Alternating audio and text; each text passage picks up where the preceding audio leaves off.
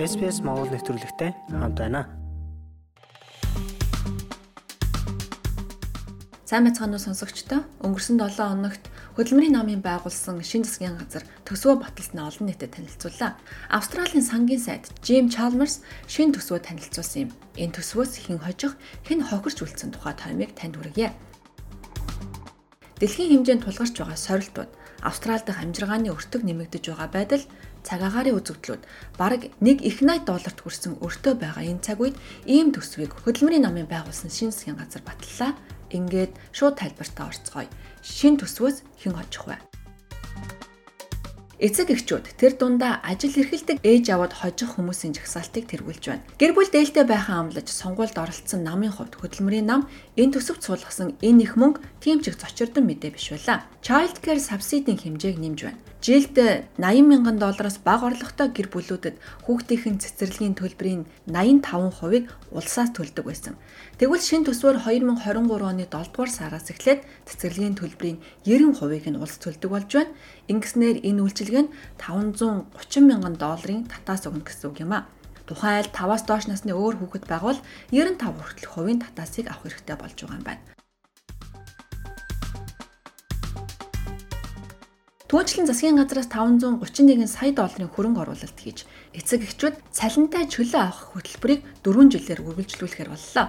Ингэснээр 2026 оны 7 дугаар сараас эхлэн нийт 26 7 хоног буюу 6 сар хүртэлх цалинтай чөлөөг ээж аваад авч болно. Эмэгтэйчүүд энэ төсвөөс хожихоор байна. Антони Албанесын засгийн газар гендрийн тэгш байдлыг сайжруулах удаадараа амлаж байсан. Тэгвэл төсвийн баримт бичгтээ энэ тухайга тусгаж чадлаа. Дээр хэлсэнчлэн эцэг эхийн цалинтай чөлөөнөөс гадна эмэгтэйчүүд эдийн засгийн тэгш байдал гендрийн цалингийн ялгааг сайжруулна гэж засгийн газар төлөвлөж байгаа. За энд эмэгтэйчүүдийн аюулгүй байдлыг хангах санаачлагыг 1.7 тэрбум долларын санхүүжилтээр дэмжихээр болжээ. Энэ хүрээндээ Гэр бүл болон нийгмийн хүчирхийлэлд өртсөн эмэгтэйчүүд 10 хоногийн цалинтай чөлөө авах хэрэгтэй болж байна. Мөн хүчирхийлэлд өртсөн эмэгтэйчүүд хүүхдүүдэд туслах зорилготой хямд үн бүхий орон сууцны хөтөлбөрт хөрөнгө оруулалт хийхээр болсон байна. Оюутнууд болон боловсролын салбар энэ төсөвт хожигсдын байранд ирж байна засгийн газар мууж нутаг дэвсгэрүүдтэй хамтран 1 жилийн хугацаатай үндэсний ур чадварын хөтөлбөрийн хүрээнд ТАФ болон мэрэгжлийн боловсролын сургалтын газруудад 1 тэрбум долларын хөрөнгө оруулалтыг хийхээр болсон. Засгийн газраас нийт 480 мянган ТАФ болон олон нийтэд түшгэлсэн мэрэгжлийн боловсролын газруудад үн төлбөргүй сургалт явуулахар төлөвлөж байгаагаас 2023 онд 180 мянган орон тоог санхүүжүүлэхээр болжээ. Эдгээрээс дор хаяж 15 мянган ахмад насны асрамжийн үйлчилгээний салбарт үсээд байгаа ажиллах хүчний хомсдлыг бууруулахад чиглэгдэж байгаа юм байна. Мөн энэ удаагийн төсөв нь илүү сайн сургууль, аз жаргалтай эрүүл сурагч, сайн чадварлаг багш нар гэсэн зорилтын хүрээнд 77 сая гаруй долларын хөрөнгө оруулалт хийхээр болжээ. Ингэснээр 2 жилийн хугацаанд 20 мянган их сургуулийн шинэ оронтой бий болгож 485 сая долларын хөрөнгө оруулалт хийхээр болжээ. Төсвөөс хойжих дараагийн салбар мэдээж байгаль орчин.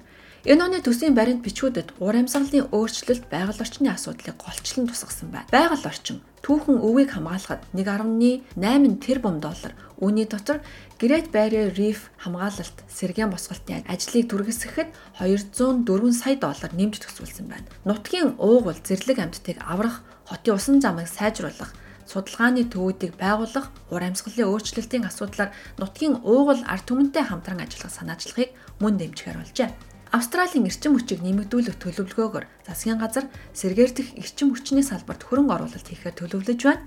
Энэ нь ажлын байр бий болгохоос гадна хямд цэвэр эрчим хүчээр хангах боломжийг бүрдүүлж байгаа юм а. 800 гаруй сая ам долларын хөрөнгө оруулалтаар 100 мянган өрхөд нарны зайгаар цэнэглэх боломжтой төхөөрөмж олгоно. Мөн цахилгаан автомашины татварыг бууруулж цахилгаан тээврийн хэрэгслийг цэнэглэх үндэсний сүлжээ байгуулна. Австралийн уугуул иргэд тэдний парламентэд хүргэх дуу хоолойг дэмжинэ. 1.2 тэрбум долларыг төсөвт инхүү тусгажээ. Үндэсний уугуул анхдагч ард түмэн болон олон нийтэд энэ төсөв зарцуулагдана. Батлан хамгаалах салбар Батлан хамгаалах салбарын санхүүжилт 2022-оос 23 онд 8 хувиар нэмэгдэж, эх 4 жилд дотоодын нийт бүтээгдэхүүний 2%-аас дээш хэмжээнд хүрч байна. Мөн засгийн газар зүүн өмнөд Азийн асуудлаарх тусгай илч томилж бүс нутаг дахь засгийн газрын хүчин чармаалтыг зохицуулах зүүн өмнөд Азийн албыг байгуулахад 13 сая долларын хөрөнгө оруулалт хийн. Кибер аюулгүй байдлыг сайжруулахад туслах зорилгоор Australian Public Service кибер төвийн туршилтын хугацааг сунгахын тулд дахин 31 сая доллар олох оруулжээ. Тэтгэвэр авагчид энэ төсөвт хожигчдын байранд ирж байна. Ажиллах хүсэлтэй байгаа тэтгэвэр авагчид тэтгэврээ бууруулахаас өмнө 11800 долларын орлого олж болдог болно. Тэд өмнө 7800 долларын орлоготой байсан юм а. Мөн Австралийн өндөр настай иргэдэг орон сууцны хэмжээгээ багасгахад дэмжих бөгөөд засгийн газар орон сууцны борлуулалтаас орсон орлогыг 12 сар биш 24 сарын хугацаагаар чөлөөлөхөр болжээ. Ахмадын асрах газрууд мөн төсвөөс хожиж байна. Засгийн газраас 2023 оны 7 дугаар сарын 1-ээс эхлэн Ахмад насны асрамжийн газарт 24 долоо бүртгэлтэй цовлогч ажилуулахын тулд 2.5 тэрбум долларын санхүүжилтийг гаргахаар болжээ. 24 оны 10 дугаар сарын 1-ээс эхлэн нэг Ахмад насны тутамд үйлчлэх дундаж минут 215 минут болох юм байна. Засгийн газар өндөр насны асамжийн газруудад 810 сая долларын санхүүжилт олгож ковид үеийн зохицуултыг үргэлжлүүлэх боломжийг олгож байна. За үүний зэрэгцээ 34.9 сая долларыг олгож асрах газарт байгаа хүмүүсийг дэмжих ковидын шинжилгээг тогтмол хийхэд зарцуулах юм байна. Австральд эрэх хүсэлтэй хүмүүс энэ төсөвт ихийг хожихоор байгаа юм. Ажилчдын хомсдолд орсон бизнес эрхлэгчид ажилтнаа олоход хялбар байлгах зорилгоор ур чадвартай ажилтны визийн квотыг 79600-аас 142400 болгож нэмсэн. Мөн байнгын оршин суух визний тоог 195000-ад хүргэж байна. Гадаадд байгаа гэр бүлтэйгээ дахин уулзахыг хүсэж байгаа хүмүүст ч ашигтай байна. Партнер болон хүүхдийн виз нь хязгаарлалт тавьдаггүй. Засгийн газар эцэг эхийн визийг 2021 он 2022 онд 4500 байсныг 8500 болгон нэмэгдүүллээ.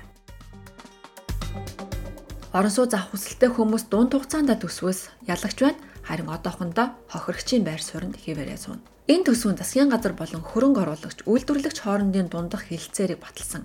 Үүгээр 2024 оноос хойш 5 жилийн хугацаанд шинэ сайн байрлалтай 1 сая орон сууцыг барихаар зорж байгаа юм.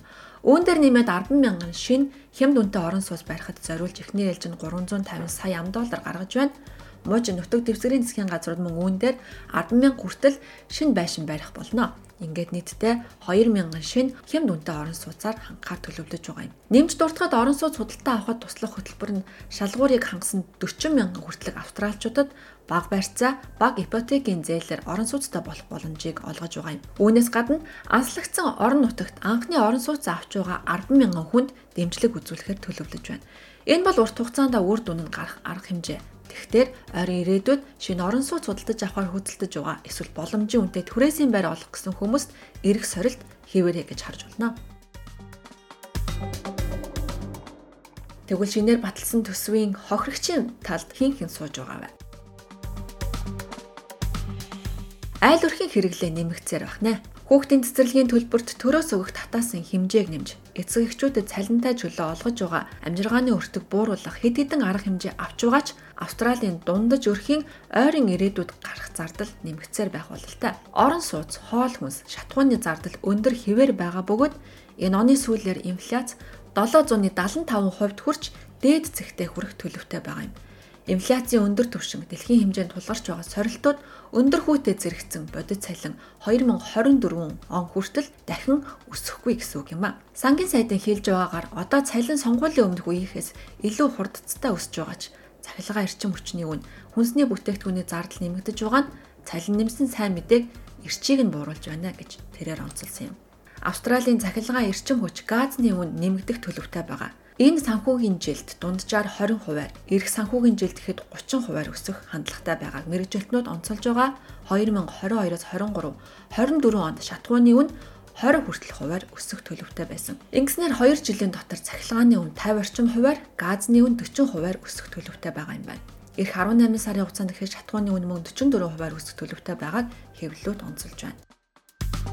Автомашины зогсоолууд болон эвслийн үед эхлүүлсэн төслүүд хохирч байна. Энтони Албаны засгийн газар 22 тэрбум долларын зардлыг таньж тодтгол хийхээр болж байна. Төсвөө таниулсан салбарт эвслийн үед эхлүүлсэн зарим сангийн зардлаас хасгааруулсан байна. Үүнд орон нутгийн хурдцгуур болон эрчим хүчний аюулгүй байдал орон нутгийн хөгжлийн зарим нэг төслүүд багтжээ. Сангийн сайдын ажлын албанаас мэдээлж байгаагаар хотын төвжирлийн сангаас гэхэд 671 сая доллар, бус нутгийг сайжруулах сангаас 252 сая долларыг хасгааруулжээ. Үндэстэн дамсан томоохон компаниуд энэ төсвийн хохирогчд болж байна. Тэднийг 2023 оны 7 дугаар сарын 1-ээс эхлэн татврын тодорхой мэдээллийг олон нийтэд ил болгохоос гадна татвар багтаа эсвэл татваргүй байсан бараа үйлчилгээний хөнгөлөлтийг эдэлж чадахгүй түрхээр байна. Өрсөлдөөний болон хэрэглэгчийн тухай хууль зөрчсөн тохиолдолд зөрчил бүрт 10 саяын доллар оноож байсныг 50 сая болгон нэмжээ татвараас бултагчид гарах гарцгүй болно. 30 сая долларын санхүүжилт хийж татврын тайлан худлаа мэдүүлдэг, хууль бус зөвлөгөө өгдөг татврын мэрэгжилтнүүдийг онлон авч таслан зогсоо хоруулжээ. Түүнчлэн татврын буцаан авалтыг хэд өндөр бодож өгдөг хүмүүсийг илрүүлэх ажилд 80 сая доллар зарцуулахаар Австралийн татврын албанд төсвөлсөн байна. Тиймээс эх оны татврын тайлангаа гаргахтаа та болгоомжтой байгаарай. Ингээд шинээр батлагдсан төсвийн хожигсод болон хохирогсдын жагсаалтыг би танд хүргэлээ дараагийн дугаар уулзлаа. Түр баяртай.